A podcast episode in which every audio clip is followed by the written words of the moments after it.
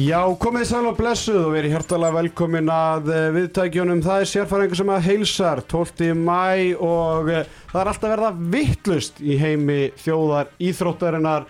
Væga sagt eh, með mér í dag Tendi Ponsa og fyrum herra Ísland, Jón Gullu Viggarsson. Verið hjartalega velkomin í báðið tveir. Takk fyrir það Takk fyrir Gulli, það er ekkert margir sem vita það að þú ert Nei, og eitthvað hefur titlar þig sem herra Ísland í dag. eða Nei, fyrrum, ég, ég reyndar ekki. Hann alltaf og í bóksuna hann vann þetta on technicality. Já, bara eins og haugarnar hafa gert í undanverðin leikjum. Já, á dómarskandal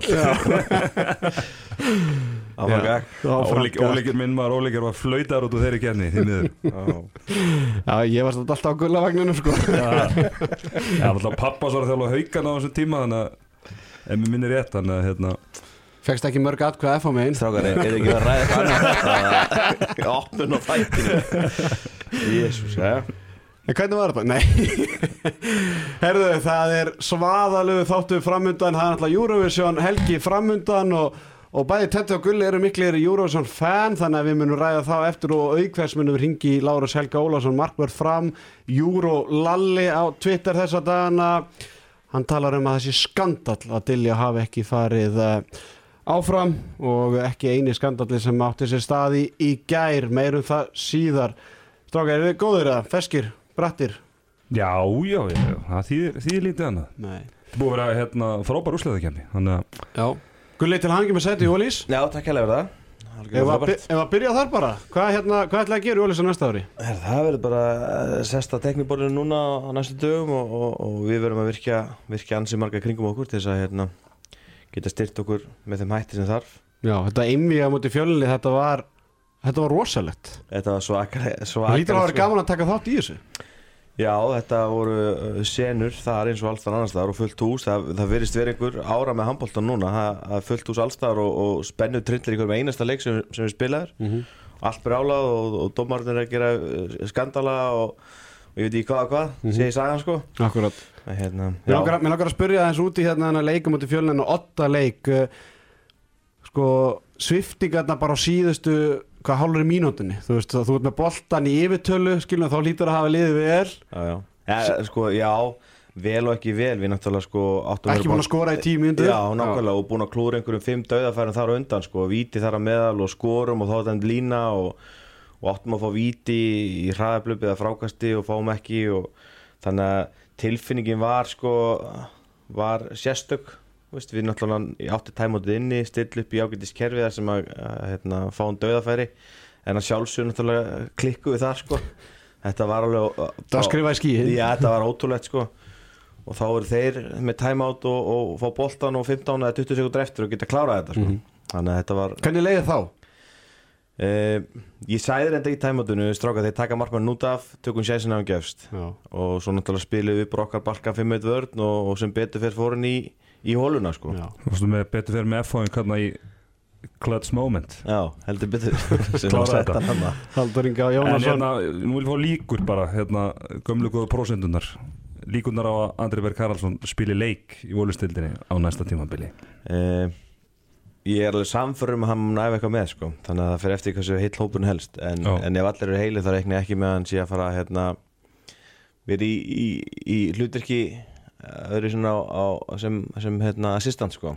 Ef hann heldur í hennan revenge body sem hann er búin að vinna í núna síðast árið þá, Já, hann þá, í- er, þá er hann hann er, hann er aldrei verið í jafngóðu standi Hann er ríkalega dugluður að æfa sko. Það er bara tvisvar á dag sem hann er að fara að reyfa sig og lifta sko. Hann er algjört nöyt drengurinn sko. Já. þannig Það að er hann, hann bara aðturum hann að samningi á Víkinga. Já, já, hann er bara, hann er bara að, að, að þjálfa sko. Já. En, hann er, þú veist, ég byrjaði með hann um 2005 eða eitthvað, þá var hann bara rétt rúmlega tvítur og hann er hann er í betra standi núna en þá sko. Þú veist, þá var hann samt alveg í góðu standi sko. Svo, svo hefur þetta verið alls konar svona í gegnum hans feril en hann er bara í mögnuðu standi sko. Ég myndi segja að hann væri svona leinuvapni Ég hérna ætla ekki að reikna með því að hann spili sko en það kemur ekki óvart ef að þegar aðeins er liðið á að kýtli svolítið af. Já, já. En hann mun allavega ekki spila á móti FH ég, ég, ég trúi því ekki, hann allavega er svolítið býst eins og þú þekkir inn á vellinu sko Já. að mæta sín í sínum, ég held að er skrítið. það gæta gæta það erfitt sko. Hann þurfti að leika hvern annan leik en hann er vanur. Uh, Náttúrulega stutt liðið frá því að þið treyðu ykkur sæti en, en bara svona hvernig sérðu fyrir að verða mikla breytingar? Sérðu, ég meina eins og Kristján Orri þú skilur við leikmaður sem hefur farið þrí, þrívegis upp úr, úr grillinu núna á, á þremur árum. Uh, er hann að fara að spila í ólisleitin ég held að það sé svona stærsta spurningin. Já, við munum allavega að reyna að halda hryggjastekkinu liðinu en ónættilega verða náttúrulega breytingar. Menna, það eru leikmenn sem eru að detta á aldur og, og, hérna, og aðri sem munu, munu hætta. En við erum bara í, í við erum við strákana eins og, eins og það er núna. Það er eftir að segja eitthvað af eða á sko. en ónættilega þurfum við að styrkja okkur. Já, þá hefur líklega ekki eða það hefur ekki farið framhjóða líklega mín svona mín umfjöllun um þetta umspil og, og, og sagan síðustu 6 ár, 10 nýlega fallið af þessum 12 og þessu einu, tvei nýlega sem hafa ekki fallið var gróta á sama tíma og, og svona basically í er að fara á hausin og svo þessi káa sem voru ekki svona vennilegur nýlegar. Uh, hvernig hefur þetta farið í, í þjálfar í grillinu sem hefur, er á leiðinu upp núna? Hvað er ekki vingarnir að fara upp í þriðja skiptið eða annað skiptið allavega á, á stuttum tíma? Jú, Þú veist, hvernig, hvað, ég meina, er skemmtilegt að fara upp og niður bara, er það bara, beauty, er beauty við það? Er þetta ekki bara, þetta er fjóruða skiptið á bara 8 árum sko. Þetta er verið búið að vera bara jójó já, já, þetta er búið að vera jójó sko. Og þið sjá það að þegar við fórum upp í fyrra og, og spilum svo í grillinu núna í ári missum 12 leikmenn, það er 12 leikmenn sem spilum með okkur í jóli sem að voru ekki með okkur Og við í, áttum samt samtali áður og þú fórst upp Já. og þá varst vonast einmitt til að halda kjarnanum og einhvern veginn geta nýtt þetta ólísárið ég bara algjörlega sko. á hátt sko. og það er eitthvað sem maður þarf að passa sig núna líka. Maður þarf að passa sig að, að, að, að vera ekki með ómarga leikmenn sem að munum svo hægt eftir tímbili sko. Þannig að, hérna, að þetta er alveg gefur máli að þetta verður mjög erfitt Vi, við verðum að, að, að stjórn og aðalstjórn og fleiri vikingar þurfa að koma að borðinu núna og, og styrkja okkur með nokkur leikmennum sem að hérna, muni hjálpa okkur í þessar barðu en ég samt sé ágætist tækifæri í ég meina stjarnan er að missa gríðarlega mikið mm. reysa styrtaræðala Káa, Káa er að, að- að missa líka leikmenn og, og Grótta gæti verið að missa líkil leikmenn já, svo, svo erum við ekkert langt frá Háká menn það hefur sínt í leikjum við þá þannig að það eru, ég held sem meiri möguleikar að kroppast inn núna heldur en hérna var fyrir senast skipt sem fórum upp. En að samanskapi þá hérna þá er algjört líki letri að, að, að hára ekki fram á því að við þurfum verulega styrkingu. En, en þú veist, hérna, við vorum að tala um Andarberg á hann Þú ert með nokkur aðra leikminn hérna, sem eru komnir norðaðið þrítugt. Ég meina, þú veist, með Brynjökul, með hérna, Jóhann Reyni Kristján Orra Hverjum er að glemma Já, fle já. fleirum Bara Halldór Ingi er náttúrulega hann í kringu Já, 30 Haldur Ingi náttúrulega, þú veist hann, hérna, leikmaður sem að hefur alveg, hefði getað verið að spila í ólistildinni en ákveður að fara fyrstildin og vanta að lúta einhverjum persónulegum ástæðum eða hvernig það er. Ég meina, hvernig, hvernig staðan á þessu leikmarum Það er þetta eitthvað slæðin eða? Já, ég reikna með að við höldum ríkjastekkinu liðinu sko. Að þessi leikmenn sem að voru í líki hlutverki í ár haldi áfram. Það er bara mjög jákvæmt og, Það er mjög stórt. En bara í lokin svona, þú veist Hver er þín hlið á þessu? Eða skilur mig, þú veist Viltu sjá þetta að reyna, reyna á þetta í, í 7. 8. 9. skiptið að leifa nýlegunum einhvern veginn að reyna að römbast af því að eins og ég spyrði á hann, er þetta skemmtilegt, er einhver hagur í því fyrir fjölu að vera að fara upp og niður, upp og niður, veist, það er engin stöðuleiki eins og segir, þið farið upp og, og missið svo tól leikmenn þegar þið komið niður og veist, það sem ég hef kallað eftir er bara, veist, það er líka beauty því að vera með stöðuleik lið í grillinu sem tekur þátt í þessu umspili síðan á hverju ári, það er líka og, og ég sér það í hvernig meina í er búin að rembast í, í mörg ár og svo bara er mómenta með þeim og þeir vinna lið sem að fyrir Final Four í, í byggarnum þannig að þannig er búin að vera ykkur uppbygging stöðu, það er búin að vera að sækja leikmenn úr ólistildinni og, og reynstubolta og þannig að, hvernig sér þetta fyrir þér, Ég, ég er á því að liðs hotlustan sé ekki eins og var í gamla daga sko. það er bara bestu leikmenni fara. Þannig að ef að, ef að hérna, liðin sem falla missa alltaf bestu leikmennar sína. Það er bara þannig, ég meina ég er að missa núna Viktor í val og, og það verða einhver fleiri breytingar þar uh, við missum okkar sterkur pósta í, í önnu lið þegar við fyllum. Uh, hérna, hákámisti eina hérna, í FA og, já. og, þetta er bara sagði þetta næsta bæjar ef það myndi ekki gera sko. Og það sama ef að liðin eru að rembast og það er bara nánast ómöðlött eða mjög erfitt að komast upp. Þeir munu bara vera uppbyldistuð fyrir aðra klúpa mér finnst að hérna að lið eigi að fá tækifæri til þess að ná stöðuleika og, og þá leggja púður, fjármagn og annað í, í að, að, að hérna, fá tækjaður til að halda sér uppi. Ég meina það talaði um að í er eftir að vera í umspil núna eiga þeir það eitthvað skilið, ég meina þeir, þeir, þeir fjallu, skilur Já, með að reglurnir í dag. Já, já, algjörlega, þú veist, ég meina þeir átt skilja að vera eitthvað þarna áfram, þeir, þeir eru náttúrulega stóðu sér frábæla, ég segi það ekki. En, en að samanskapi þá hérna, held ég að mögulegandi séu núna. Já, það er verður fróðan að sjá það hvað nýlegarnir í ólistundinni gera á næsta ári. Ég er alveg sammála því að ef það er einhvern tímann tækja fyrir, fyrir nýlega að halda sér uppi þá er það á næsta tímabili. Strákar, vindum okkur í úslitakeppnina.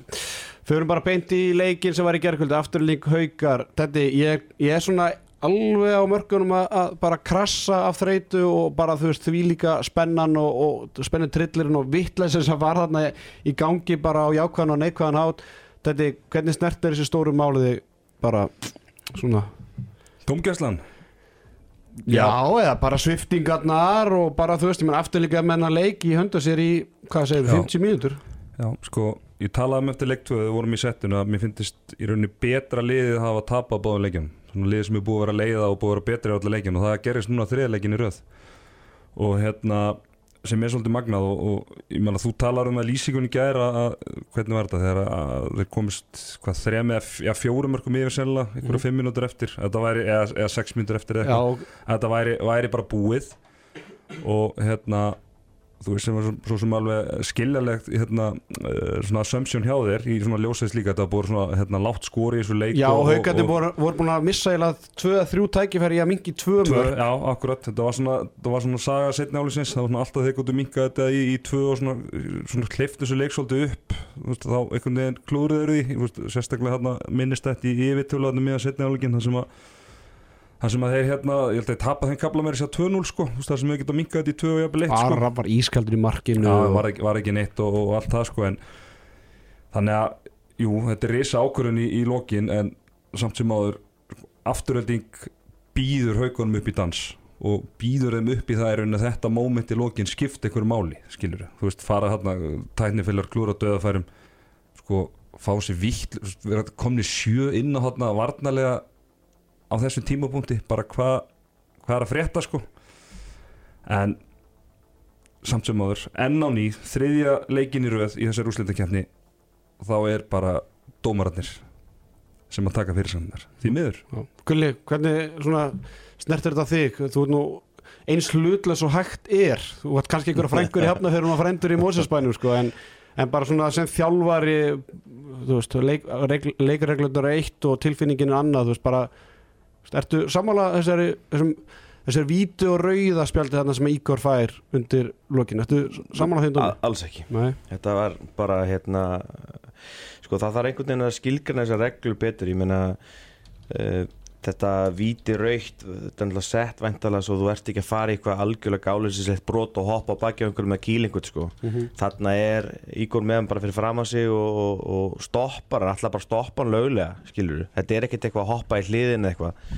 Og hvort að Ólafur Ægir hafi teikað hann niður eða hvað sko það er bara aukakast sko. Það er mitt með dásundum En, það er gaman að hafa það hérna því að það koma tvö svona moment í um, umspilinu á móti fjölunni uh, einu sinni það sem er brotið á ég hóra einu leikmanni Víkings þar sem að þið svona kölluð eftir víturauðu en, en fáið ekki. Já. en svo á sama tíma brýtur Ígum og Súlja á sér í, í fjórðarleik og fær víturauð er eitthvað svona samræmi þarna finnst þér skilum á þessu þrejum brotum eða finnst þér þetta bara að vera að happa og glappa og bara hva, hvernig skapið dómarnir eru? Ég held að sé erfitt að framfylgja þessu reglum fyrir dómarana. Það er að fyrsta, ég held að veist, þetta sé bara byrðið á þá að, að þurfa að fara í varið og, og pæla í þessu. Ég meina, Ígor hjá okkur, sko, ég tala við hann eftir leik. Ég að spyr hvað þetta spá. Ég meina, hann, hann hálf teikar hann, sko. Og hann segir, já, ég meina, ég var til í að fara í tværminnar Svo þeir fengi aukast eins og veist, hann, hann metur broti bara eins og, eins og allir gera. Þetta var nákvæmlega eins brot nánast eins og þeir fengu víti og raukt Og hérna, og, og en við fengum aukast og, og, og tværmyndur þannig að hann var tilbúin að forna sér í að fara bara út á og þeir fengi aukast og tími búinn sko. sem að endanum var það svo náttúrulega bara þannig að hann fekk raukt og leikbann sko, sem er náttúrulega bara gjössalega galið og ég meina Ígor Kopisinski er hann ekki bara að fara í leikbann núna? það er bara væntalega át og leikbann það, það er bara ekkit annað, annað í stöðinni sko. Rándýrt mm. Það er rándýrt hann er búið frábær en en sko ég, hérna, á svona momentum í lok leikja og, og þú veist, þegar allt er undir og allt svona, ég kalla bara eftir því að dómarar þú veist, ef þú ert ykkur með eitthvað 50-50 atvík þá velur bara lægsta samnefndara skilur Já. þá velur bara vægustu refsinguna skilur tekur hérna vægustu ákvöruna sem hefur minnst áhrif á leikin sko. og sko ég bara skil ekki þeir skoða þetta 15 sinnum frá, sko, þú veist, það voru hérna, hvað voru marga í ger? Það voru 8, 6 eða 8 kamerur eða 68 68 kamerur, neða, það var ekki eðla marga kamerur þannig við gotum séð þetta sko frá hérna 5 eða 6 mismöndi sjónarhóttum og það sést alveg greinilega að hérna þú veist, að Ólafur Ægir tógar í hann. Þú veist, hann, hann er byrjar að brjóta og ef hann flautar í flautuna og, og hann hindrar í henni tökku fríkassins þá er Ólafur Ægir á þeim tímpúndi byrjar að tóga í hann skilur, þannig að þó hann hefði sleppt honum þá hann aldrei skilur ekki geta dotti með hann sko. maður sé líka bara líkast beitinguna hjá Ígor sko, hann er ekki að taka Ólaf Ægja á yppon eða eitthvað svona sko. Nei, hann er bara að stoppa. Hann já, hann er bara að bara stoppa sko. fast brot, bara alvöru brot. Stráka, talsmaður uh, Savas Ólafs Pétursson á Twitter, Einar Örd Jónsson, fréttamar á RÚF, hann fór mikinn á samfélagsmiðlum í gær og, og ég held svona umræðina eins við hann áfram á, á Facebook, ég ætla nú ekkert einhvern veginn að fara að vitni í það hvað fór okkur á fram en, en hann stóð rosalega fast á því að þetta væri réttu dómur, ég er svona ég veit ekki hvort hann hafi verið að kinda í fólki bara einhvern veginn að auka umfjöllunina skilur Nei, hann er, hann er ekki þannig típa sko. En sko, hann, hann, en þú veist, það sem, hann, það sem hann heldur fram og vill meina er bara að þú veist, það að Ólaður Ægir hafi ekki haft kost á því að geta tekið fríkasti strax það er stóra á, ákvörðun í þessu máli og hérna og hann segir bara réttur sóknumassins sé bara allur í þessu máli ég var að reyna að spyrja hann velta hvað er eftir að lesa þessar af því ég, ég hef ekki hugmynd um allar þessar 780 reglur og 380 matsatrið sem fylgja þeim. En þú veist, brotið á sér stað alveg hliðalínuna og þegar flauti kemur þá standaði metur út af vellinum. Þannig að Ólafur Ægir var aldrei að fara að geta tekið fríkastið á bara 0,5 sekundum það sem ég benti líka á er það sko Ígor getur ekki bara brotið og átt að því hvena flauti kemur skilur, hann er bara klárað þá brotið þegar Ólafur Ægir síðan dregur hann niður. Eða skilum þú veist, ég meina ef hann hefði bara brotið lítið, sleft og dómarinn er ekki dæmt, þá er bara Ólafur Ægir komin í gegn. Eða skilum þú veist að þetta, hann er bara ennþá í brotinu þegar Ólafur Ægir dregur hann niður. Þannig að Ólafur Ægir er aldrei í stöðu eða með einhvern vilja í að taka fríkasti strax Nei, með það er svona, ég láta sér bara hverfa. Brjóð, sjá þetta fyrir ykkur. Þú brýtur í handbólt og hleypur svo í frá manninu svo hann getur tekið fríkasti sko. Eh, bara, það, er, það er Nei, ekki við og sko- þarna var- kalla bara eins og þetta segir bara leikskilning og þú líka nefndi líka á bara leikskilningur þarna. Og maður hefur heyrt alveg svona nokkra dómar í gegnum tíðin að ræða að þú veist reglubókin er eitt en svo er líka bara svona common sense. Skilum við hvað vilja áhöröndur eða skilum við hefði einhver sagt eitthvað ef það hefði bara verið fríkast. Nákvæmlega sem ég ætla að segja. Það var, hérna, Ég sá það á þér. ég, veit að, það, ég var hérna búin að lifta upp höndin ég ætla að kom, fá orðið sko, að, hérna, það er nákvæmlega málið. Og þessi stóru dómar ég fá íbjöða sem við förum yfir á eftir. Ef þetta hefur verið á hinn veginn enginn er sagt neitt það hefði ekki verið nein umræða af því að það hefði bara verið hinn skinsanlega dómur skilur jú, jú, getur farið eitthvað reglubækur og, og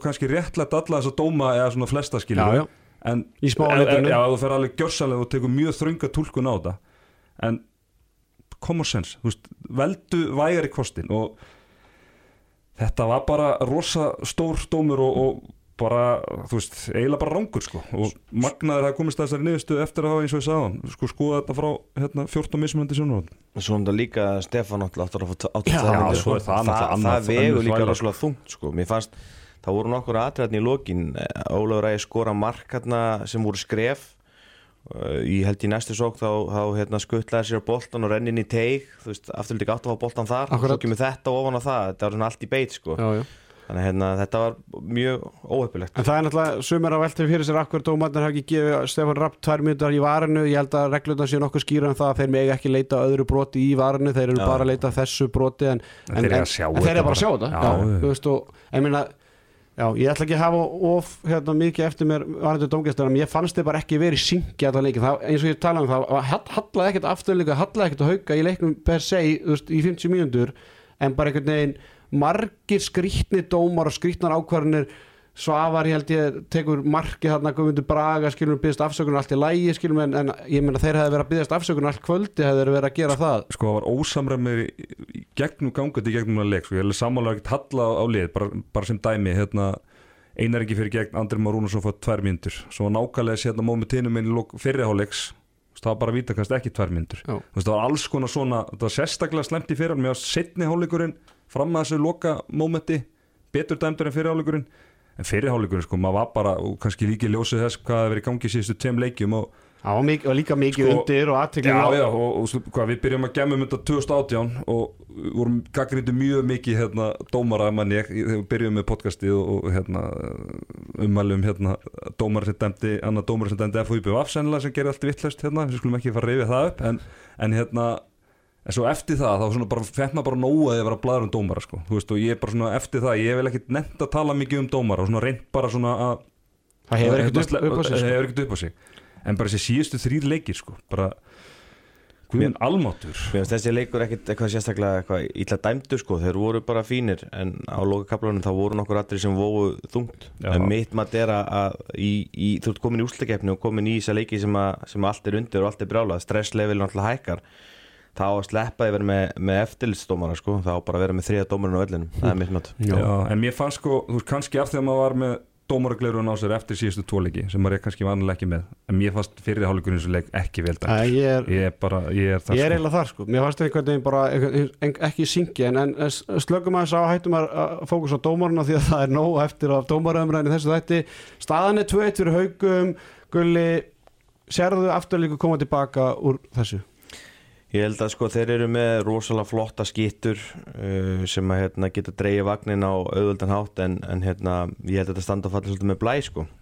Hvernig er hann haldar út af í leiknu núna? og Veist, Það gerist líka í þessu hérna, barótt, hann einhvern veginn snýr sig á ökla þegar að Stefán og þeir eru að berjast hann í kringum sig, ég veit ekki hvort að stýja á auðlýksaskilti eða stýja ofan okkur löppi eitthvað það sést ekki en, en hann hal- haltar eftir þetta moment þannig að en hann klárar reyndar framlíkinguna þannig að þú veist, það er með ólíkindum en, en hvað, þú veist, Ég ætla, ég ætla að skjóta á ottaleg allt undir. Ég, ég þú veist, afturlík er, er búin, þeir eru búin að vera frábæri í sem við sko. Já, en, en hérna, það er allt undir í leiknum. Tækifæri fyrir haugana er í næsta leik. Annars klárar afturlík þetta. Ég held að þeir þurfi bara að hugsa það líka þannig. Það er, það er einu leik frá ottaleg fullu húsi og gjaldkera leik sko.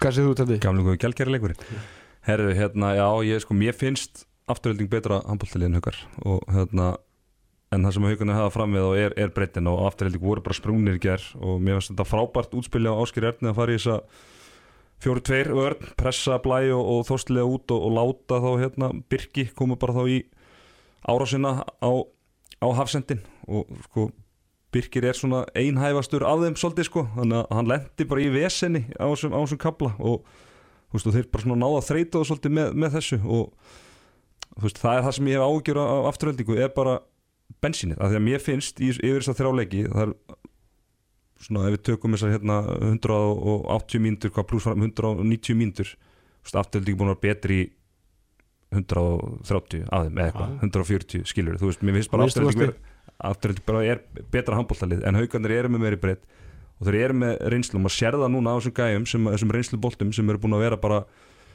mjög lélegir í allan vetur að það er að koma blóð á tennenda og þeir eru svona að finna sitt fyrra form og, og þeir finna að það er allt undir núna og, og þannig að hérna já, það er mjög erfitt að rýna í hennar leik sko. ég þarf eiginlega bara að fara og, og mjólku sér testa bara afturöldingu hérna á morgun og þá skal ég gefa þér, einhver, einhver spá sko. Akkurat, uh, ég benti aðeins á það í, í setjumilginu gær, ég svona velti fyrir mig hvort að Gunni þurfi ekki aðeins að, að rótara liðinu, ég benti á 7 og 6 og þá einhvern veginn fattaði líka bara, þú veist, af hverju ekki átni bara er búin að spila meira á miðjunni eins og var að gera aðeins, bara til að kvíla blæ, ég meina blær með alla sína meðslasögu síðustu vikur, að hann skulle valla vera búin að fá kvíld sóknarlega núna í þrjá leiki pluss framleikingu ég meina átni bara, bara það átni bara tæki miðjuna í tíu mínútur skilu þá er ég að tala um bara 6 og 6 þannig að það blær bara gríðarlega mikla kvíld bara sem að hann þarf svo sannlega á að halda með gest Ólaf í hotninni eða Stefán Magna sem var gjössalega frábær undir ólýsteldarinnar þú veist það er svona ég, ég svona hafði ekki pælt í, ég fór einhvern veginn að pæli sem er 7 og 6 einhvern veginn að hotna bara á miðjunni Birki og, og Þorstein svo ekki svo bara svona, en af hverju ekki bara 6 og 6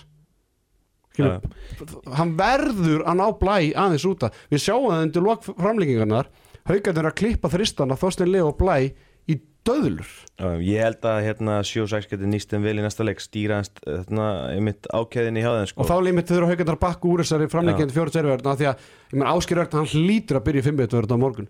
Að, nei, í næsta leik Þessi 4-2 á, á þarna. sunnudaginn, já 4-2 eða Já, 5-1 af því að ég meina afturlík var að sundu spila þess að 6-0 verði í fyriráleik Æ, ég meina líka bara þessi klippingar og þessi leikur afturöldingar er veist, hann hendar langt best á móti 6-0 verð sko. Þetta er bara skittulið bara fyrst og fremst og sérstaklega svona samanlega með átnabra ég velti þessi með fyrir mér í, ég man ekki að var í leik eitt, eftir leik 1 eða 2 að veist, hann er búin að vera rosa mikið í þessari hérna rótringu og þeir hljóta að hafa verið sko búin að setja þetta þannig upp fyrir emja þeir vissu náttúrulega ekkert hvort að blærið er með eða ekki. Þeir hljóta að vera búin að stilla þessu svolítið þannig upp að átnabra yrði svolítið mikið fyrir utan í þessu einví og ég meina, ég segi líka, ég meina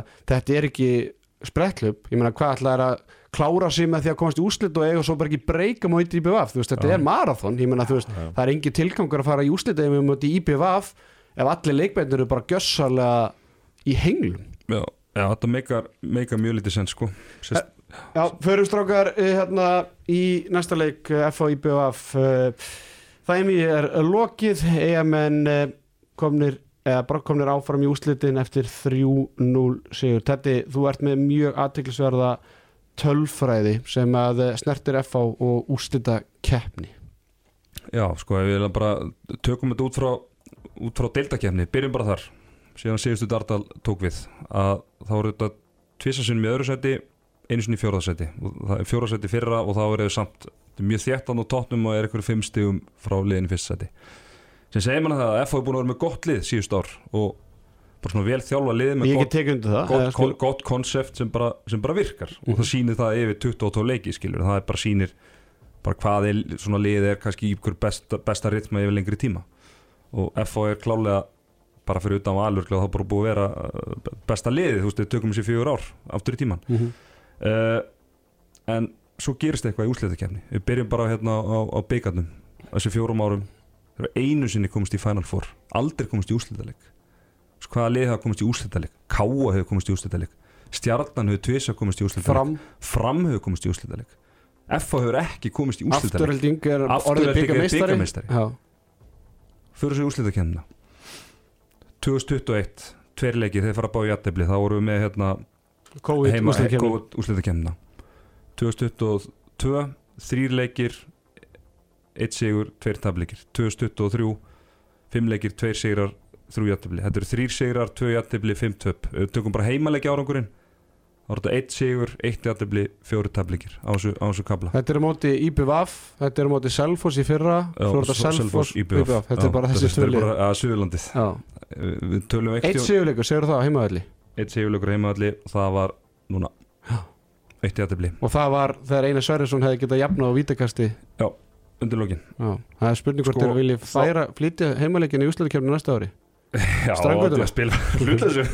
En maður bara spyr sig hvað, hvað veldur? Er þetta veist, er þetta, er þetta eitthvað hugafastlegt?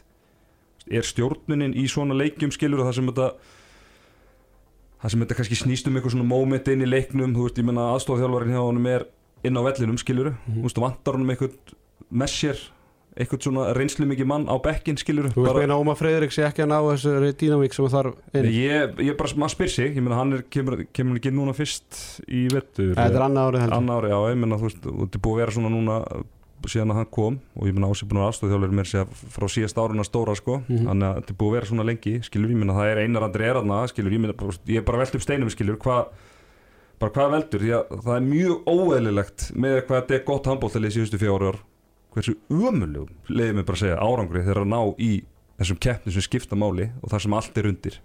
Já, ég, Þannig, það, það þarf bara að fara ofan í sauman á þessu. Hvað, hvað er að valda þessu? ég er algjörlega sammála því og mér finnst þetta engin árangur sem að Steina Ardal hefur náð. Ég menna þú veist, ég var einhvern veginn að reyna að hugsa þetta í gær. Ég menna hvað er árangur, er það ekki þegar þú nærði einhverju markmiðum og, og ég menna er árangur eitthvað annað en það að ná markmiðum sem þú setur, skilur mig, þú veist þú lítur að setja þér einhver 2-3 markmið það á þessu fjórum árum þá er enginn að segja með það að markmið FH hefur verið að fara elendi tvisasunum í öðru seti í deildinu og fara einu sinni í Final Four og, og síðan ekki söguna meir. Nei, það er bara mjög það er bara, Gulli, slag, hvað- slag, það er bara slagur árangur. Vili, hvað, er, hvað er að í, í, í kriganum? Akkur náður ekki betri framistöðu og ertu sammála þessu með eins og leikstjórnunum heldur að sjó og mikið að herðum hérna, Steina Ardal, ég meina hefði hann þurft að vera með reynstubolt eins og einar andra með sér? Einar andri var á, á bekknum í nokkru leikum í vetur Já, það er alltaf gott að hafa einhvern sem að kallar er að þeir sko. Betur sjá auga en auga. Nei, ekki? jú, Já, þetta var nákvæmlega rétt Já, Ei, en, mitt mat á FH er að- að þeir eru búin að vera það er búin að vera stígandi í þeim þeir eru með unga og gríðarlega efnilega leikmenn og, og ég hérna þráttur að kannski taka ekki í titlum talið þá er þetta kannski ekki gott sko. En þeir eru búin að vera afl sem að er auðvitað að eiga við og hérna ég held að framtíð sé björt þar sko. En þú ert samt sko með, með unga stráka En svo ertu líka með stráka sem eru orðið 25-26 ára Já, já. Og svo ertu með reynslubolta sem eru bara tölvöld dýrir. Þannig að þetta er svona hvaða leið er verið að fara? Þú veist, mér finnst ekki verið að fara eitthvað svona Við erum að byggja upp fasa.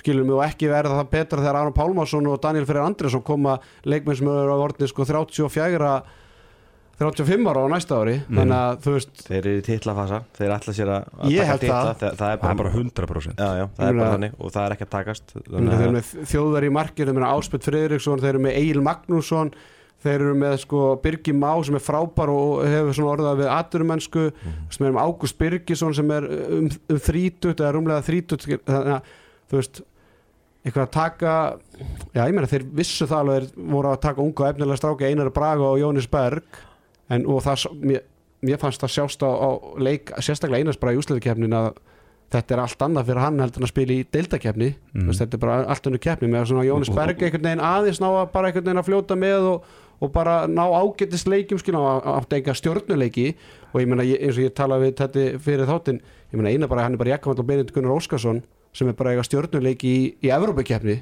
Mhm. skilum við hann er einhvern veginn ennþá kannski einu tíðanbili frá því ég meina þetta er bara annað árið hans í, í ólistildina sem er innan geðsakpa maðurinn. Þannig að auðvitað verður FH á miklu betri stað á, á næsta ári maður velti samt fyrir þessar tölfræði. Ég meina er Steini Ardal maðurinn sem er að fara landa þeim stóra fyrir FH á næsta ári? Sko, já, eins, og við vorum að tala um það er ekki bara að þeir eru ekki að vinna til þeir eru ekki nálætt í sko. Já, já. þú veist, þeir eru ekki að komast einu sinni í Úst- úrslit ja, ekki eins og ottalegi umspil Nei, veist, ein, einu sinni þú veist, einu sinni undanúrslit byggar og einu sinni undanúrslit í úrslitakefni sko. Og tapa þeim er svo- 3-0. tap- töpuðu með 10 fyrir vali í þessum byggarleik og, og svo 3-0 hérna sko. þú spyrir hvort Steini alltaf sér rétti maðurinn og maður er svona aðeins búin að hlera menn í, í, í krigunum ég var spurður aðeins þarna eftir, eftir setnibilgina og þú veist bara kemur skilur bara svona kallt, kalt, kalt, kaldu bara og bara bladra maður eitthvað svo er maður bara aðeins búin að hugsa þetta og, og, og ræða við mennina svona. Og það er alveg svona rattir í kriganum sem að svona, það er skipta skoðanir bara hvort að hann sé, sé maðurinn í þetta. Því að eins og, eins og Gulli segir, FO er að fara í titlafasa núna. Þeir eru að fá Aron heim, þeir eru að fá, Daniel Frey heim sem þýði það, meina FO er ekki árið Íslandsmeistari síðan hérna 2011 byggamestari hérna einu sinni 2019 á, á þeim, frá þeim tíma.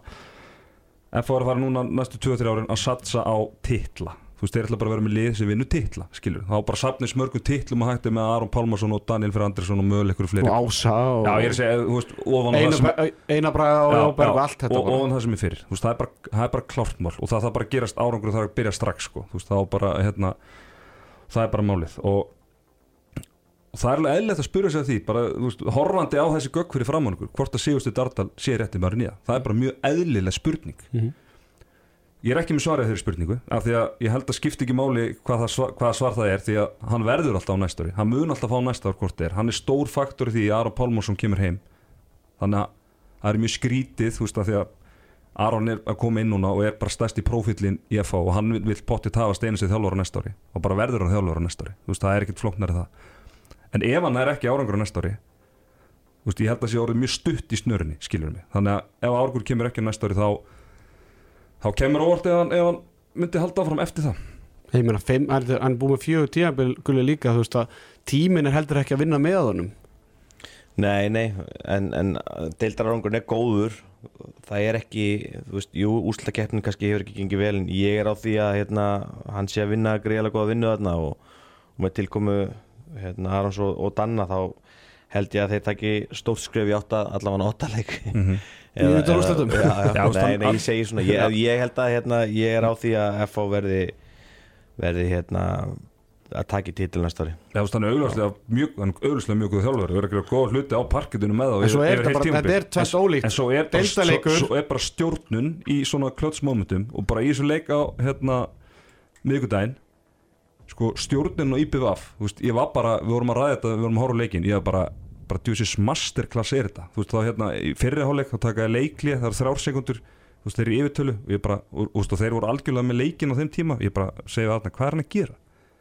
Bara eitthvað yppir öxlum eitthvað og svo, svo kemur eitthvað kerfi þú veist, þeir ætlu bara að nýta yfirtöluna, fá gott mark fá döðafæri klúraðir reyndar. Á þreima sekundum á þrejum sekundu sko, þú veist, maður bara ok, þannig eru menn bara að hugsa þess út fyrir boxi sko, svo tók hann eitthvað timeout í í setni hálfleik þar sem svona, sem var eh, okkur fárlega góða er bara mjög yfir allt saman skilur já, við og yfir allt saman og, og svona tekur náttúrulega í fyrsta leiknum þá tekur Erlingur leiklið þegar leið og FO fyrir 5-1 vörduna og bara herðu strákar, þeir eru farin í 5-1 hérna, þú veist við vitum hvað ætlum að spila, við ætlum að spila hérna breytt og svo ætlum að taka eitthvað sem kallast 5 eða eitthvað ára og stóð Já. bara herðu, Jóhann Birgir í bakurum fyrir mig ára svo hann, þú veist, Jóhann Birgir var í bölvuðu passlið þar, þú veist, Já. svo bara já, svo viti Ágúst Birgisson er í pla- og svo, og, og bara leikplani skilur, þú veist, hann var tímabili komin í sko, þrefalda vartanskipningu sko, og bara hvernig er, hvernig er leysa, ok, nú ætlum við að kvíla þe- þessa hérna, það búið ganga ótrúlega vel með 6-0 hendur bara í 5-1 skilur og FH bara ennþá bara í vandara með það, veist, allt svona sko, svona eru ekki tvík, innan leiksins já, þeir eru með ekki, eigamennir er ekki farið í 5-1 vördun af því að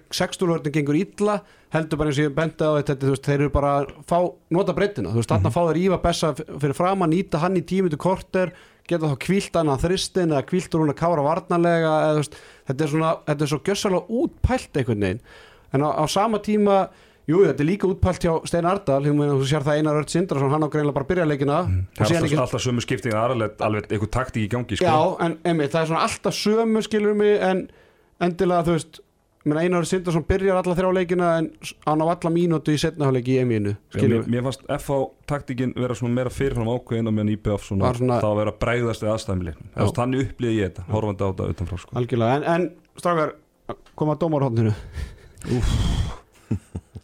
koma að gleyma þetta? Já. Já. Að því sögðu þá getur náttúrulega FH auðvitað verið tvö yfir sér við sko. Já, þetta er ótrúlega En hvað hérna, þú veist Gullið, þú ert þjálfari.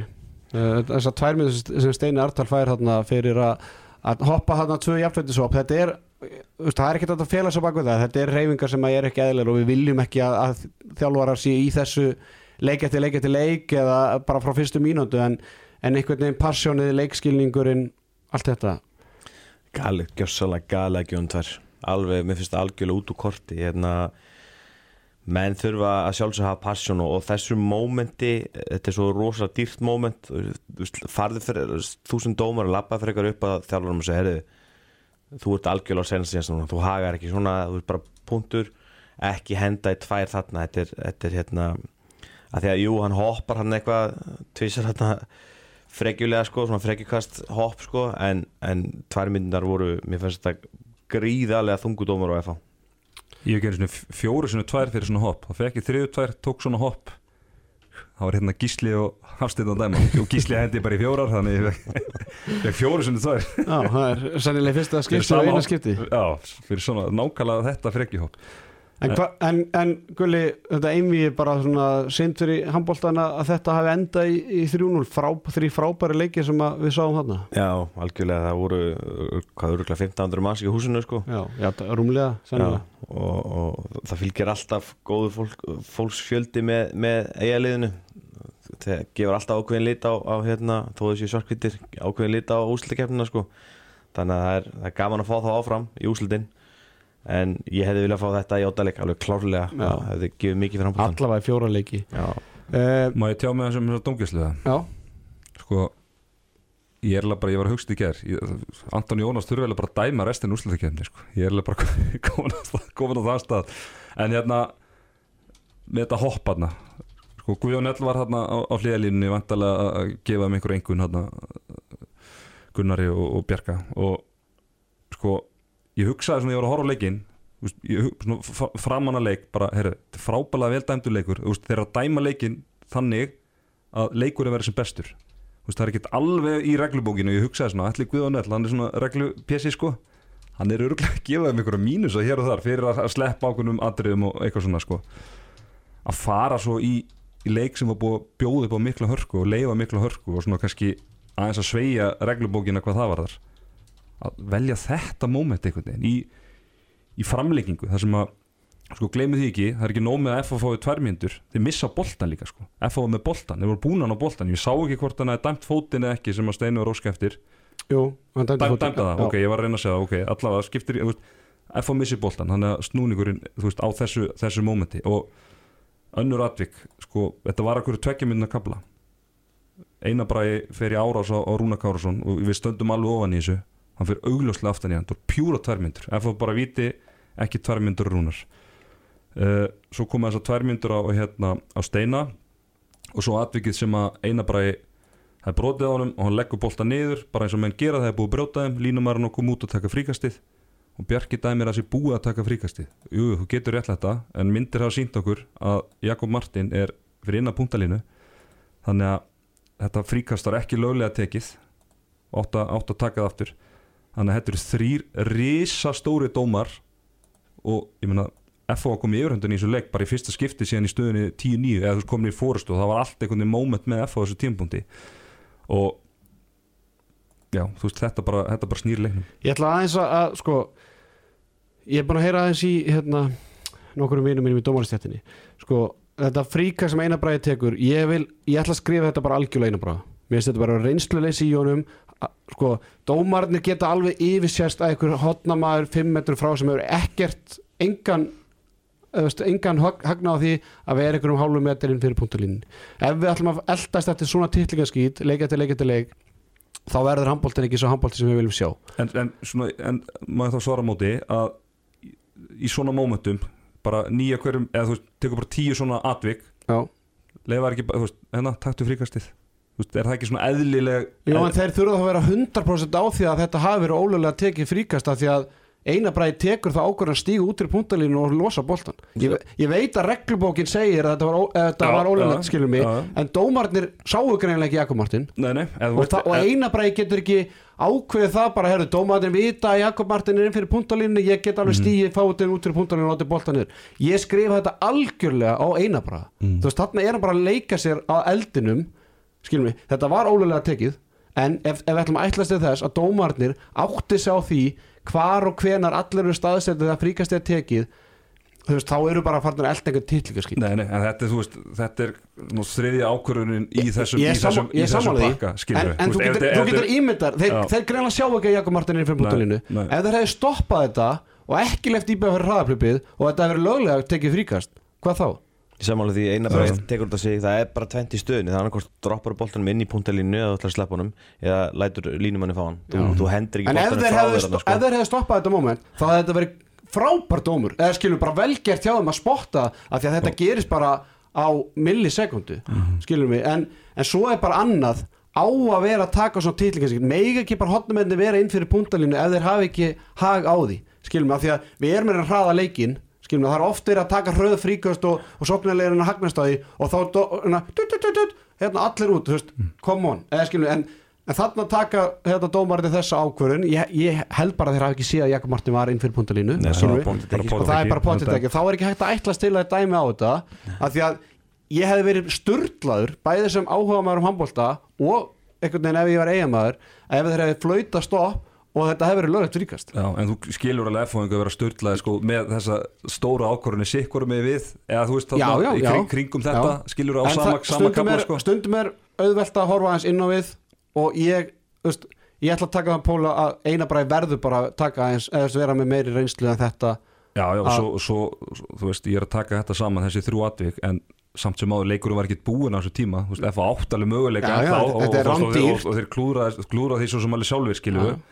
En Mér finnst þetta vera svona- þessi kapli finnst mér svolítið bara snúa leiknum samt aftur í, í, í svona íbjöf Ég finnst þetta að vera svona eitthvað smá titlingaskýtur eitthvað, þú veist, stóðan inn fyrir puntalínu tók fríkast eða var miðjan hárið tekin eitthvað svona, þú veist, ákvörinu einabraga er glórus Já, ég er alveg sammála það því. er bara, veist, sammála því þá sko. voru auðvelt að benda okkur dómara sem að yfirsást eitthvað, eða skilum við í, í mómentin en, en ef F-haugandi farnir í, í sumafrí tætti þú vilt fara að sjá breytingar á þjálfarateiminu? Hjá, F-hó á næsta ári, þeir segja ekki ég, ég, nei, just, ég, meina, ég vil að steini taki næsta ár. Já, ég segja það, það næst ekki titil á næsta ári Já, þá verður bara, hérna, skrúganga sko. Rífið í gikkin Nei, ég meina það er bara pressa. Ég, veist, það er bara þannig. Já. Það er bara krafa á, á titil eða það þarf að koma lámark annar þessari stóru byggar eða, eða Íslandsmistartitil Ég er sammála því. Herðu strákar, áður við höldum áfram þá ætlum við að heyra í Euro Lalla, Lárusi Helga Ólafsinni uh, markverði framara. Hann er, uh, ég veit ekki betur en að það sé Eurovision party um, um helgin og allt það. En Euro, uh, Eurolalli er svona Eurovision sérfræðingur okkar í handkastinu og hefur verið það í gegnum tíðina. Lárus Helgi, ertu á línunni? Ég er hér. Vertu hjertalega velkomin í handkasti, takk fyrir að taka upp tólið, herðu Dilja okkar, hún komst ekki áfram í, í gær, þú varst búin að láta sérfræðingi vita því að þetta væri eitt vesti undarriðil sem hefur verið já, hefur verið undan fyrir tíu ára og það væri bara algjör skandall ef Ísland færi ekki áfram það er raunveruleikin, hvað hefur myndið að segja?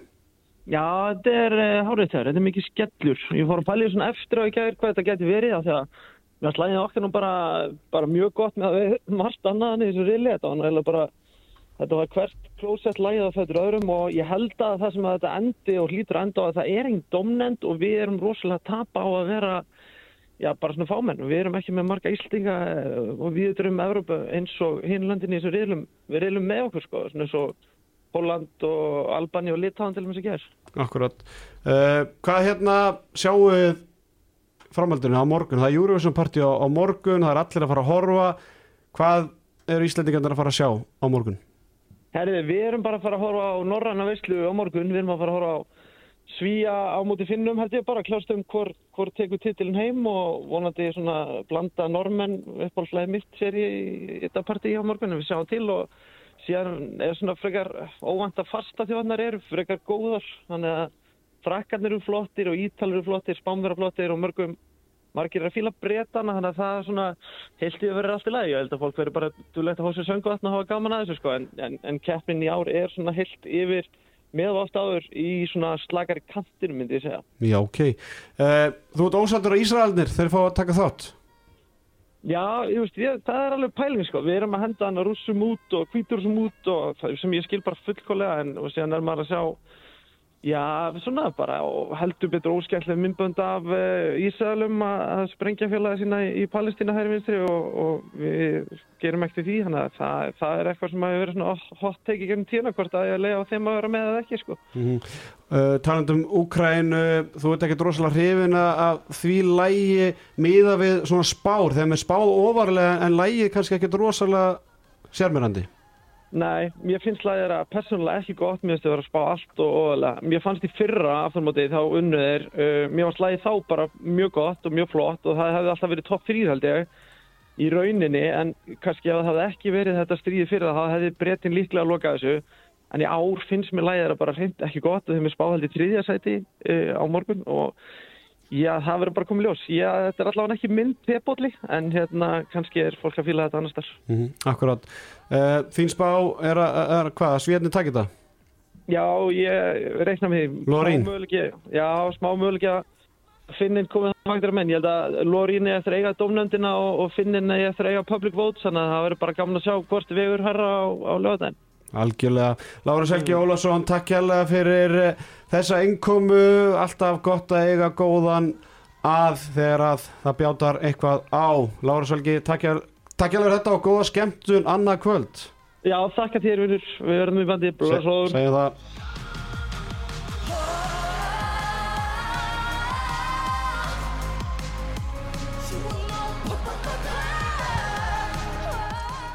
Menningar og lífstílstátturinn handkastið snýr áttur Júr og handkastið. Herði, það var alltaf leiðilegt þegar Ísland kemst ekki áfram. Já, sko, sérstaklega sko, ég er alltaf stressaðari fyrir flugningunum á undakefninu heldur en í aðalkefninu af því að, þú veist, ef hún klikkar í aðalkefninu eða hann eða hún að skiptir ekki máli en, en sko, getur mist partíð ef, ef þetta klikkar eitthvað á í undakefninu sko. Akkurat, Gulli, hvernig fannst þér hún standa sig í gerð? Bara þrælvel sko. Það ekki? Jú, ég alveg bara mjög gaman að þessu Eurovision dæmi sko. Þannig að hérna allir Kroatis ekki lélasta lag sem hefur komist upp úr undan keppninni ever. Alveg skelvilegt en, en mér finnst það standa sér vel og, og delivera og skilja sínu en, en ég, ég er á því sem það ok, hefur farið áfram. okay. Landi silu og skuggarnir. Þeir hefur farið áfram sko. Þeir, já, Þeir sko, voru- Það þeir- er betra að, eða þú veist, mér finnst vant eitthvað svona eitthvað, eitthvað, hún ein á sviðin eitthvað, mér fannst eitthvað vant að meira svona, eitthvað sjó í kringum þetta.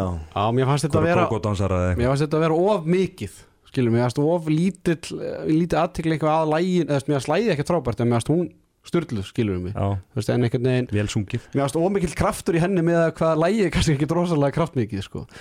þannig að eh, en þetta, þú átt þín uppáhalds Eurovision lög sem að hafa ekki unni Eurovision. Mm.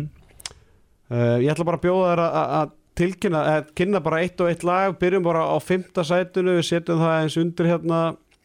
Hvaða lag er að tala um hérna?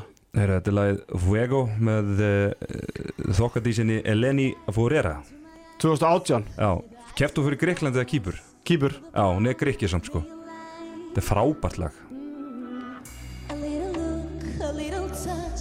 You know the power of silence. You keep it up, keep it up. Þetta var, þetta var svona þegar ég var að enda minn feril á B5 þá var þetta mikið, mikið spilað. Var þetta mikið spilað hérna kortir í fimm? Já, einmitt, higher. Ah,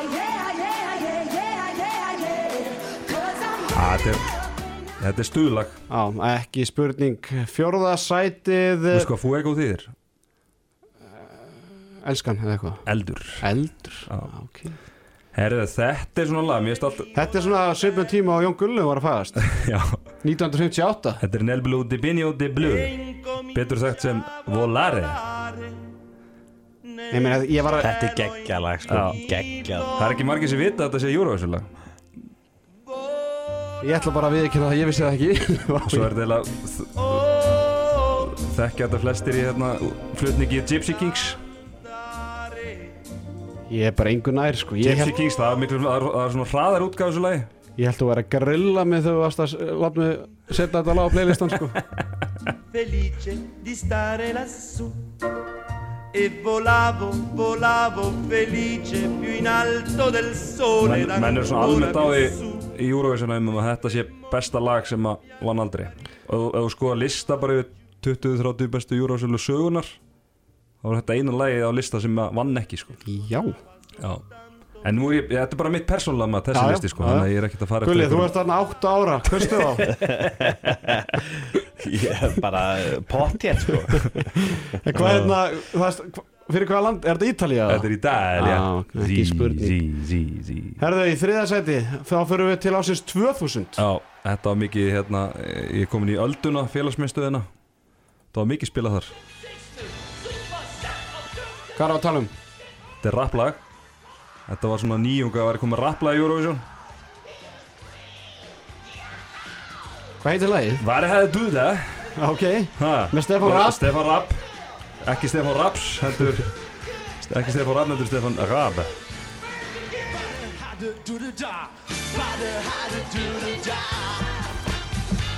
Þetta er svona smá meiri nostalgía Þetta er eitthvað Var það hæri dúri da. Var það hæri dúri da. Gulli mann að þessu? Já, ég mann þessu. Hvað varst þú hérna árið Ég, 2000? ég var út í Þískalandi Já, Deutschland. Já. Já. Er, Var þetta ekki Þískaland? Jú, jú. Stefan, Raab, hann með svaka vinsanan hérna talkshow. Já, Hann komst eða áfram út af því sko. Hann kynnti þetta bara í, í talkshownu sínu sko. Já. Langvísast þáttur uh, hérna, þar Og rúlaði upp undan kemni Hann er hann er ekkert ólíkur svona G með eitthvað svona gul gleru Já, og- þetta er svolítið fígúra sko. Þetta var góð hérna, svona hliðasaða frá Gulla hérna.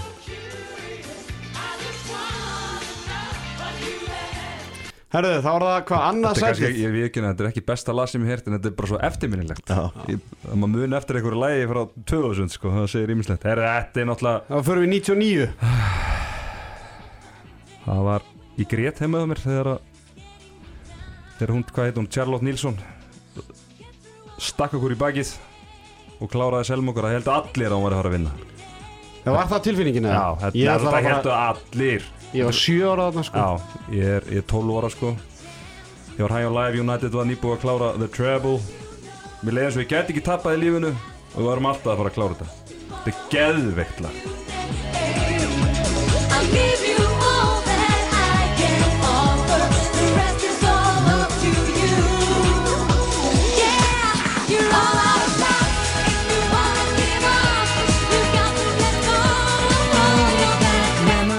that. Já, sko, hérna Það er erfitt að slökka á þessu sko Já, hérna, Charlotte Nilsson frá Svíþjóð vann, vann keppnið þetta ár og það er svona ágættis hliðasa, hérna, sýsti mín á þessu tíma, hún er, hún er ári ekki, hún er sýst í minna þá en á, þessum tíma hún er ári yngri en ég áttu vinkonu sem að hafði unnið sér það til saka að hafa alist upp í Svíþjóð og hún tilkynnti það að hún ætlaði, hún var búin að slíta vinskapnum við hana Já. Það er ekki að Já, spila því hélt út í kannski tóta hún var eið, Voru pennavinir hún var eið, já Herðu, núna 2010, þetta lag er náttúrulega algjör epik og það er með reynum ólíkindum að þetta lag sé ekki sigurveri. hann lendi í fimmtasætti sko Þetta var yfirburðalega þarna og þetta er eitt besta júruvísulega suguna. Það er ennþá, þú fer að skemmtistæði, disco eða eitthvað, það er ennþá að vera að spila lag sko. Frakland.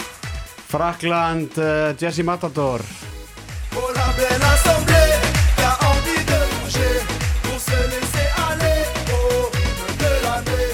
Allez, allez, allez, il faut en profiter. Hliðasaga frá mér að þá, þetta er held ég sumari sem að haugarnir er í, í Pepsi-dildinu og ég, Rétt. mér skjáttlast ekki að þá hérna Ásker Ingóls og, og félagar þeir byggu til eitthvað haugarlag í kringum þetta lag Guð mig guður. Já, Það var til eitthvað staðar. Já það er örgulega til sko Úl- Úlfar Har Pálsson og, og félagar hann Það að var áskýr að syngja það. Já, sem þá Já, það þarf að grafa þetta upp. Ég held að einmitt verið gefið upp bara rétt fyrir fyrsta sigur á móti Breiðarbygg, Íslandsmeistarum á, á þeim tíma þannig að en þetta er náttúrulega með ólíkindu þetta lag, ég þetta, gulli, þetta er bara ennþá að spila ég vil bara í einhverjum íþróttahúsum fyrir leiki. Já, þetta er geggjalag. En við verðum að bæta inn Ég vona Lalli vinnum minn sé að, hérna, alveg sáttu við að við spilum hérna Þú verður að YouTube það sko. Það er Ísrael 1987 Og að smetla því í gang. Hvað erum við að tala um hérna? Er þetta, hvað er þetta lagið? Lazy Bums Heita þér Já, hérna, já, já, Smelt þess að það Er þetta þitt uppáhalds? Já, svona, já þetta er eitt af, eitt af uppáhaldslögunum sko. Já, við erum klára hérna auðlýsingarnar og, og hérna hérna má ég sjá. Hvað er þetta hérna? Já, þetta var...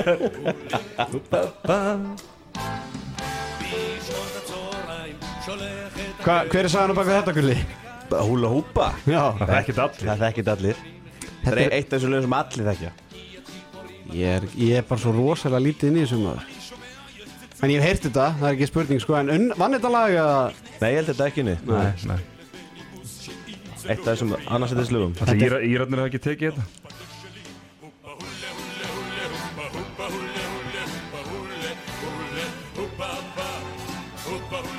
Ísrael 1987 þetta er, þetta er eins og sko Við erum tveir, sko, já, af einhverju hæli þarna upp á sviði, sko, í, hérna, já, Veistu hvað unnið þetta? Írarnir. Já, þetta var bara svona educated guess. Náttúrulega Johnny Logan kláraði þetta 87. Já Eitt af þessum átjón skipti sem hann vann þetta. Herru stráka, ég er með hérna top 5 lista yfir íslensk lög sem komust ekki áfram úr söngkefni Rúf og eh, ég ætla að byrja bara hérna 2012 Blár ópar. Það er Blar Opal Vá. Ég var, ég var reyður þegar þetta fór ekki áfram. og ert ennþá reyður Ég er að jafna mig svona nýbúr, ég jafnaði mig þá tíu ára ámælinu. Hver, er- hver er unn aftur, hver fór aftur út þarna? Var eitthvað heraði, neitt djúvöld fyrir Það var allavega eitthvað verulega óspennandi lag verður nú að segjast Það Greta og Jónsi eitthvað, eitthvað þannig.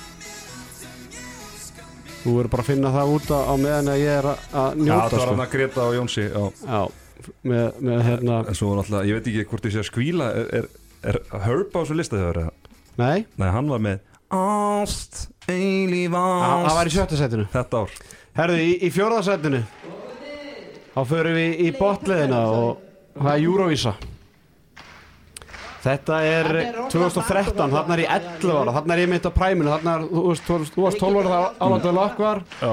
þarna er ég 13 ára, haffyrirgarnir mættir mikið sprell, mikið gaman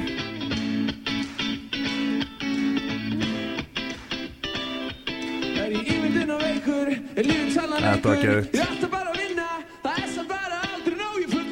Hvað varstu þarna Gulli, 2003? Ekki, bara ekki grænan sko Mökkaður eitthvað. Já, það er gleymur um partíð sko En þarna, þetta, frá, þetta lag átti, þetta er svona vinning með materialag en þeir voru, þeir voru að keppa við Unbeatable Force á þessum tíma því að Birgitta Haugdal, það hefur sennilega ekki verið til starri popstjörna á Íslandi nema bara, þú veist, Bó 70 eitthvað sko, heldur en Birgitta Haugdal var kringu 2003 sko. Já, Hún var bara unplayable sko. Var, hún var ekkert eðlilega vinsal og hún alltaf bara slátar þessu sko. jú, jú, það er hár rétt það er, með Open Your Heart já Herðu, í þriðja sæti það er stór vinkona mín Unnur Eggerts Já, hún hlaut að vera á það Já, já. Það er ekki margir sem að gigga með Unnur Eggerts í gegnum tíðina en sérfræðingun á það nú á, á bakinu Já, ég var þar Hvort við, við tókum þetta lag saman Þetta er sko Er þetta takkaborðið? Nei, hvað er þetta? Ég syng Já, ég syng, já. Ég held að ég hef giggað bara á þessum tíma með henni Bara rétt eftir þetta lag kom út Hvað var þetta? 2014 Já, það er bara Þetta þá var- var, þú vorst að útskrifast var ég þarna- útskjáðast 22 ára úr mentaskóla Já, jólinn 2014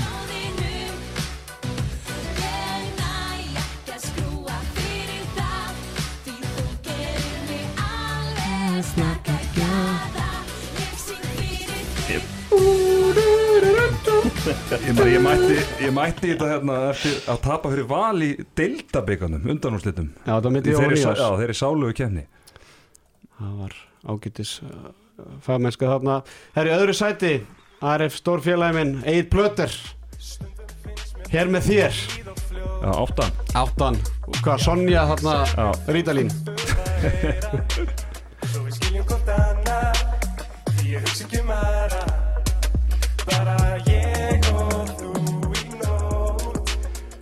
við Lægið, Það, ef, ef það ekki nei, það er ekki, það er ekki frikið Dór Ég nefndi Nei, ekki. nei, en ef það er ekki lagi sem ég held að það sé þá, þá lappa ég þetta út sko.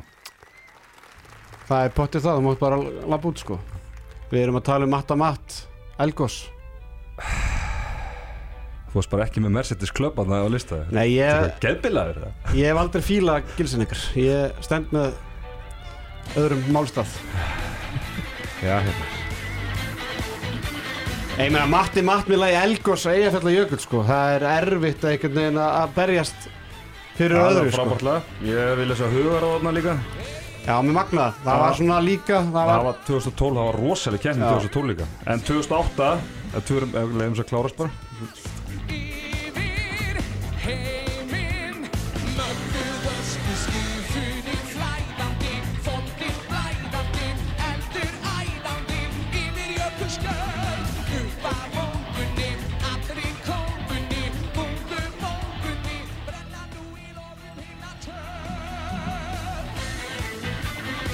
hvað segir 2008? Já, það var rosalega kemni Og hérna, það varstu með uh, Náttúrulega Hey Hey Hey, We Say Ho Ho Ho Jú, jú.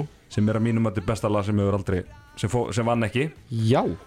Uh, kannski ásamt Trikador. En svo lag sem var svaðalegt, ég enda nú samt bara auðvitað fymta eða eitthvað. Það var þarna Wiggle Wiggle song með Half a Half Gotta get your body right Gotta get your mind right. Það er, var, Ég, ekki, var ekki líka Dóttar Spokka? Nei þetta var svaðalegt jú, í hérna, sko. í gulu hönskunum. Já, Já, það er svo langt síðan maður. Jesus Christ.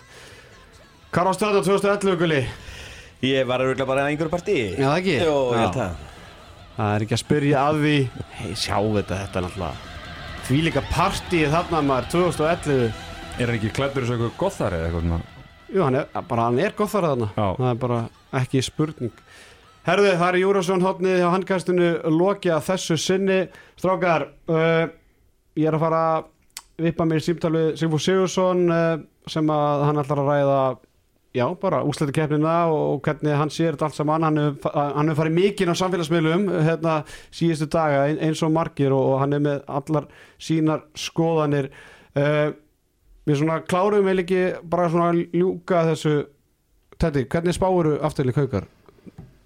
Gulliði spáði sér í, ottaleg Já, uh, ég ætla að gera það líka.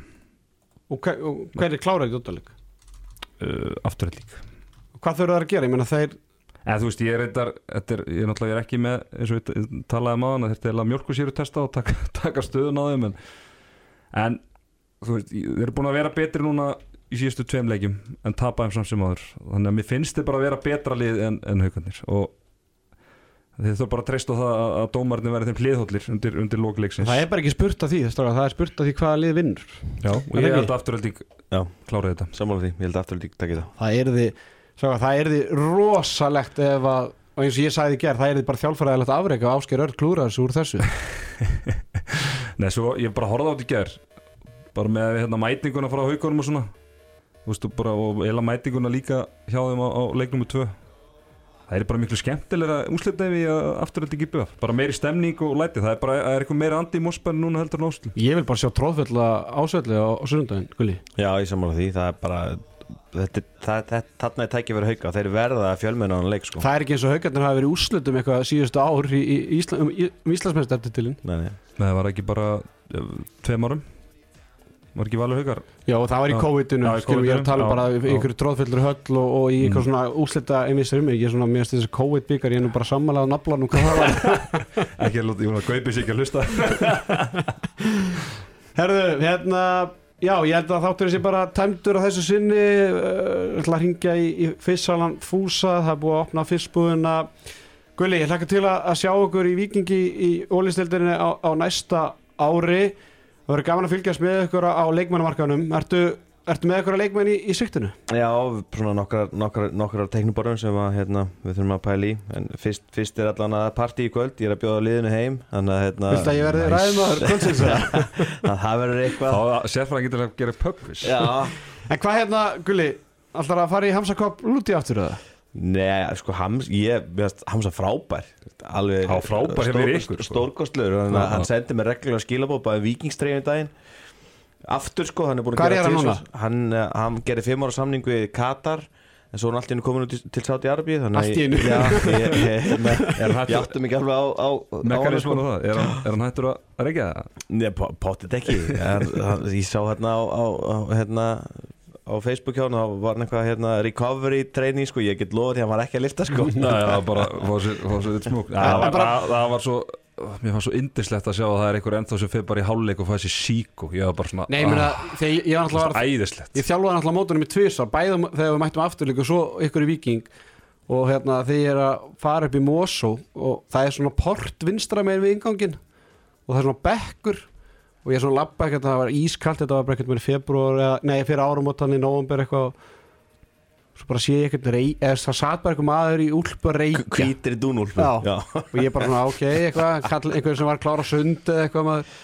Svo bara svona líti bara að því ég hafði aldrei séð hann áður ég hafði bara séð hann á klippum ég bara, þetta er hamsaka blúti bara, þú veist og þá bara hvað, klukkutími leik eða eitthvað, og hann bara sitandi í um einhver úlpu á einhver bekk og aðri bara, þú veist, krakkarnir bara í Mosesbænum að fara á leikin og eitthvað, þetta var með ólíkindum en, en finnst þú ert hérna, bara svona fróðlegt að vita, þú veist, hamsaka blúti og svona leikmi, hvað kostar svona útlendingar fyrir liðið á Íslandi þú veist hver, hver, hver er, þú veist, að ég, ég, hérna var að hamra á liklaborði í síðustu þar sem að Daniel Mortensen leik, leikmaður hauka í körfunni hann kostar grindinga miljón á mánuði þú veist, í laun. Já, ég held að, hérna, ég veit svo ekki nákvæm að tölu hvað hann var að fá hjá afturlíku en ég held að það verður örgulega svona 700.000 Já.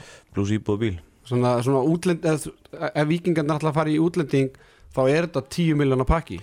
Nei, ef við færum í útlending þá færum við alltaf kannski tvo saman í íbúð sko Já. en ég er að segja félagskeptagjöldin Já, og, allt svona Já, já, ég meina- íbúð, einmitt að leiða íbúð í Reykjavík er ekkert grín sko. Nei, nei, þannig að það, það væri alltaf já, örugglega 6 miljón konar pakki gerir ráð fyrir að þurfa að leita út fyrir landsteinuna Það er ekki efst á lista sko, Nei. bara alls ekki Nei. en, hérna, Við þurfum bara að skoða þetta vel fyrst, fyrst, færiska leiðin Já, fyrst er bara partí í kvöld og, hérna, og svo, svo hérna, þurfum við bara að fá að snúa bökum saman og, og sjá hvað er til til hérna, peningalega sétt að gera sko. Já, hvernig var að spila í Samirinni á þessu tími? það var alveg eðislegt Já. okkar hús, svona handbólta hús þannig að hérna, ekki ólbóbarn fótboltans í víkinni eða eitthvað slíkt skilur mig ég meina, það var ekkit, þú veist, það leikur í bestu með ekki æfa sko. þannig að þetta er alveg þetta er skref til hilla fyrir okkur víkinga Mhm.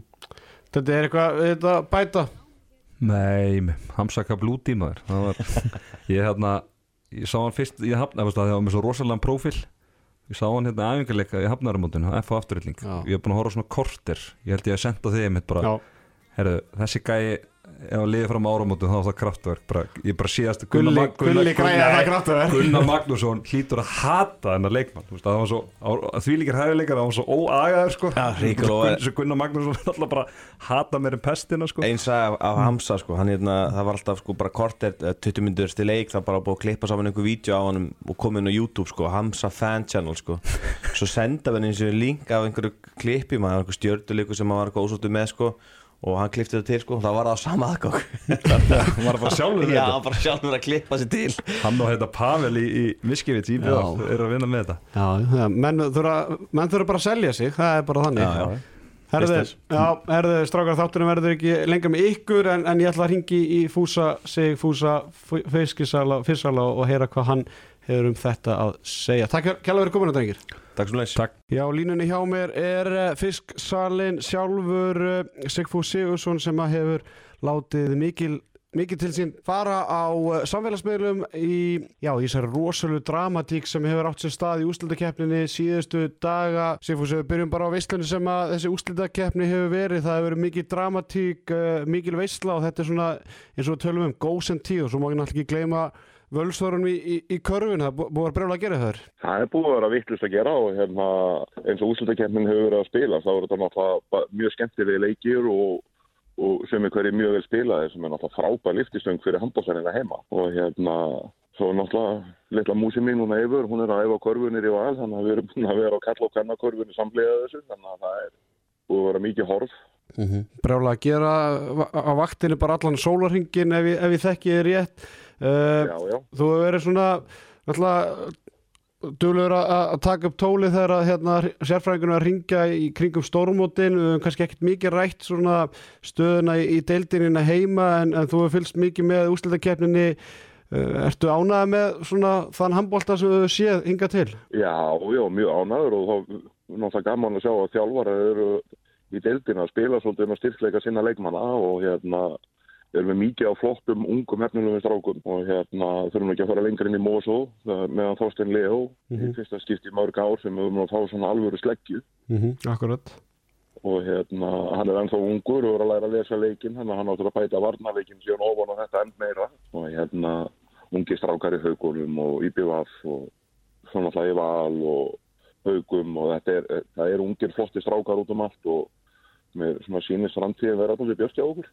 Stemmingin í þessu leikjum uh, hérna undarfærið, hún hefur verið rosaleg og, og, og ég er alltaf búin að fá þann, eh, þann heiður að vera í, oftast í húsinu starfa hjá stötu sport og það er gríðarlega læti og, og, og það er svona maður er alveg farið í gegnum úslitakefni sem að svona stemmingin kveiknar ekki fyrir en bara í einhverjum ottalegi undarúslitum og svo úslitunum en mér finnst svona búin að gríðarlega stemming bara frá því að áttarúslitin hófust. Já, og náttúrulega náttúrulega umræðan um handbólta er orðið miklu meira en hún var og þar kemur, kemur þú náttúrulega með þitt podcast mjög sterkur inn og, og fleiri og hérna því meiri sem umræðan er og því meiri sem umfyllun er því meiri verið áhugin og því fleiri mæta á völdin og, og þeir sem eru svona mikið að fjalla um handbólta núna þessa dagana og, og þetta árið og síðast árið er náttúrulega hló skili fyrir það. Og þá myndar svona sjálfkrafa meiri stemning.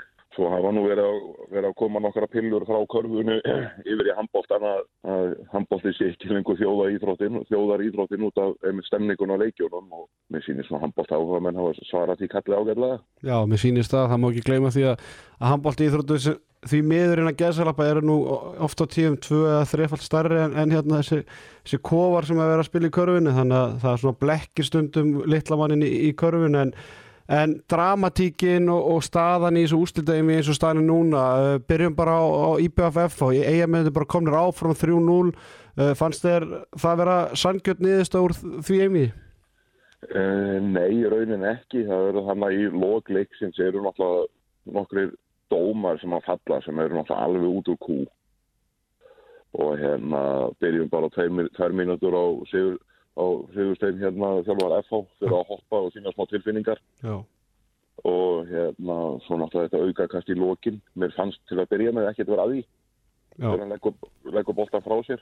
mm En svo náttúrulega kemur í ljós að það stendur F-fáðingun nánast til hliðin og dómarinn fyrir inn á punktalínu þegar þetta gerist að þá á aldrei að vera gilt aukakast nei, og hérna þe- þetta eru svona afdreiðarík stór mistug sem eru, eru að gerast í annars ágætlega dæmdum leikim það er nefnilega máli já, og það sem að menna hafa alltaf verið að kalla eftir er að standardin sé réttur og sé góður og, og hann hefur verið svona allt í lægi, er, er ekki rosalega vel dæmdur og ekki illa dæmdi leikir en á svona leikil momentum þá verður eftir að vera að klikka og það segir manni það að þeir bæði get ekki lesið leikin rétt og að þeir eru bara ekki alveg nógu góðir. Þetta er ekki vandanóti verka með því að fara yfir hlutina.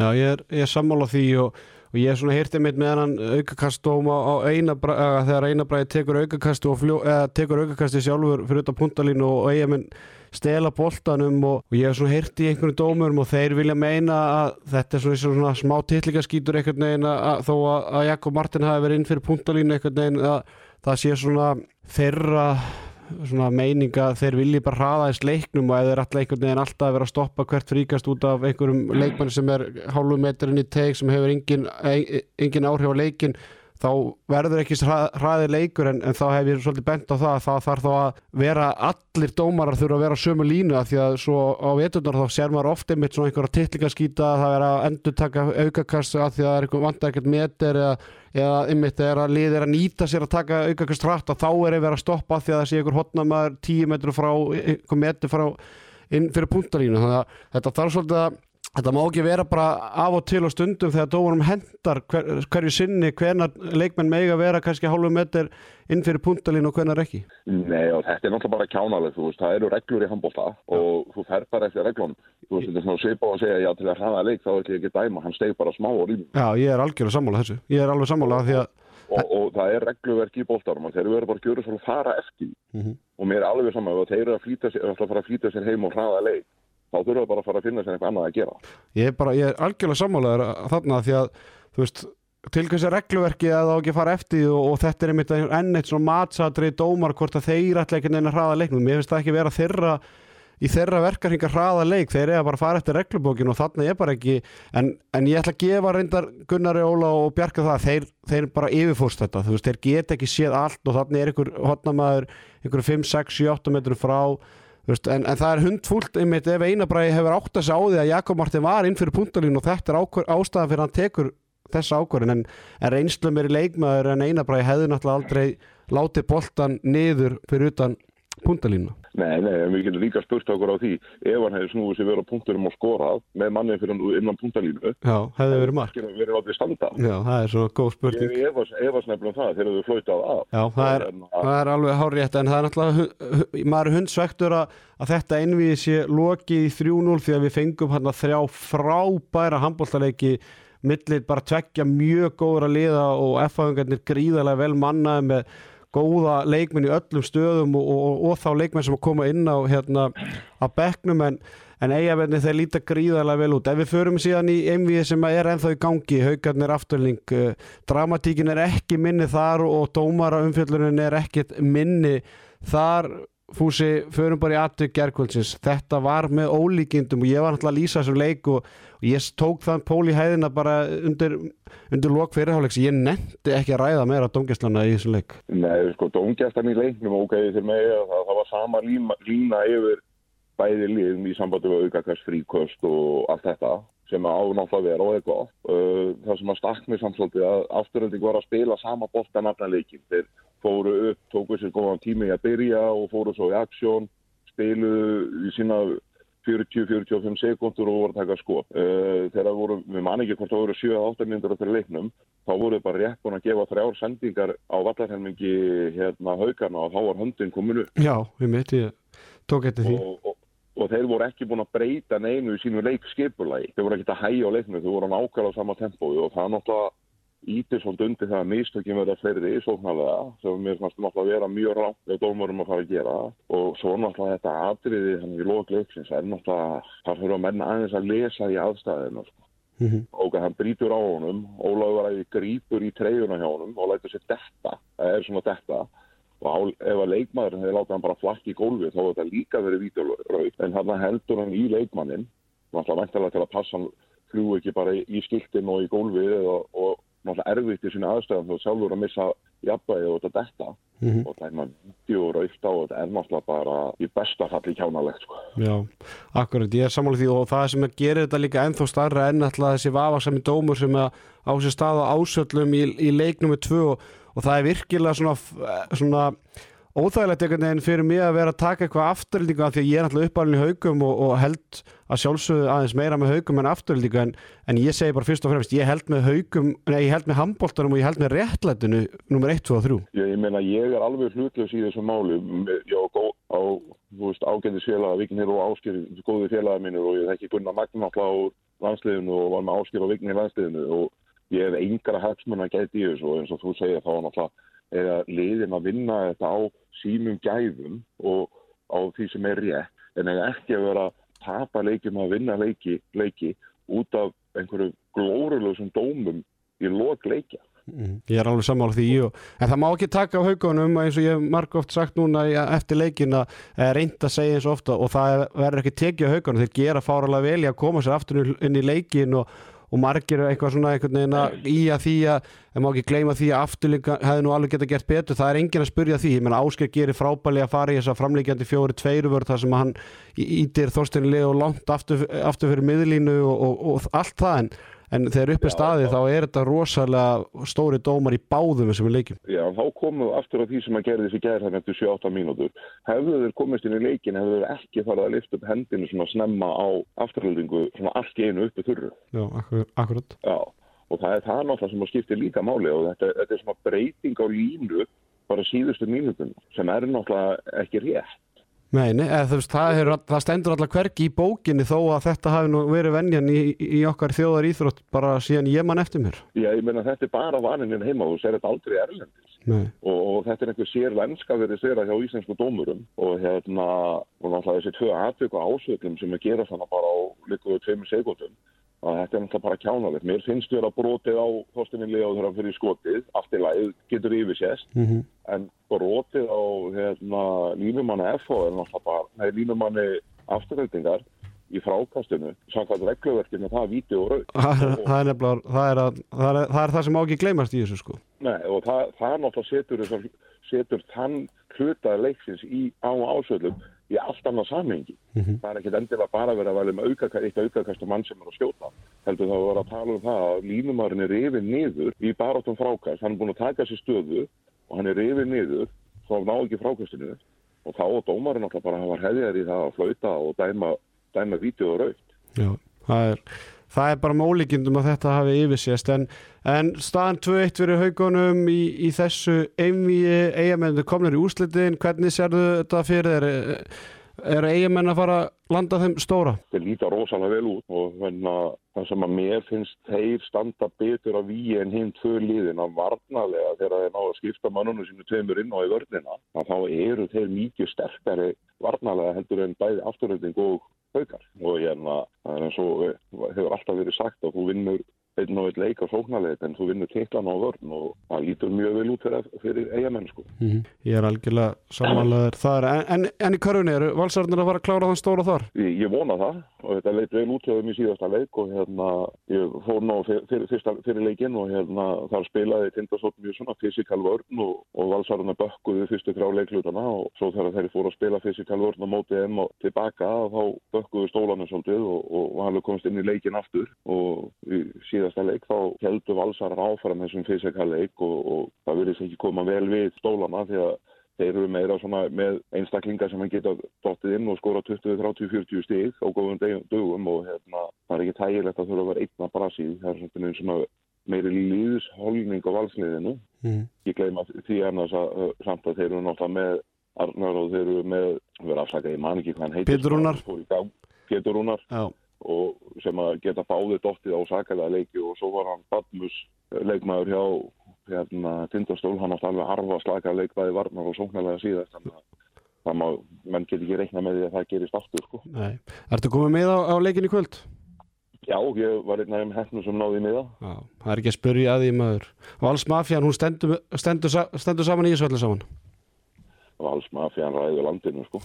Það er hárið rétt Herðu, Sigfús Sigursson, takk kærlega fyrir þessa greiningu bæði á, á þjóðaríþróttinu og síðan á, á hérna köruboltanum, við vonum bara að eh, sanngirnið sigri að lokum já, megi bara be betra liði vinna, besta liði vinna í báðum íldókum, það er bara þannig. Ég er sammála því.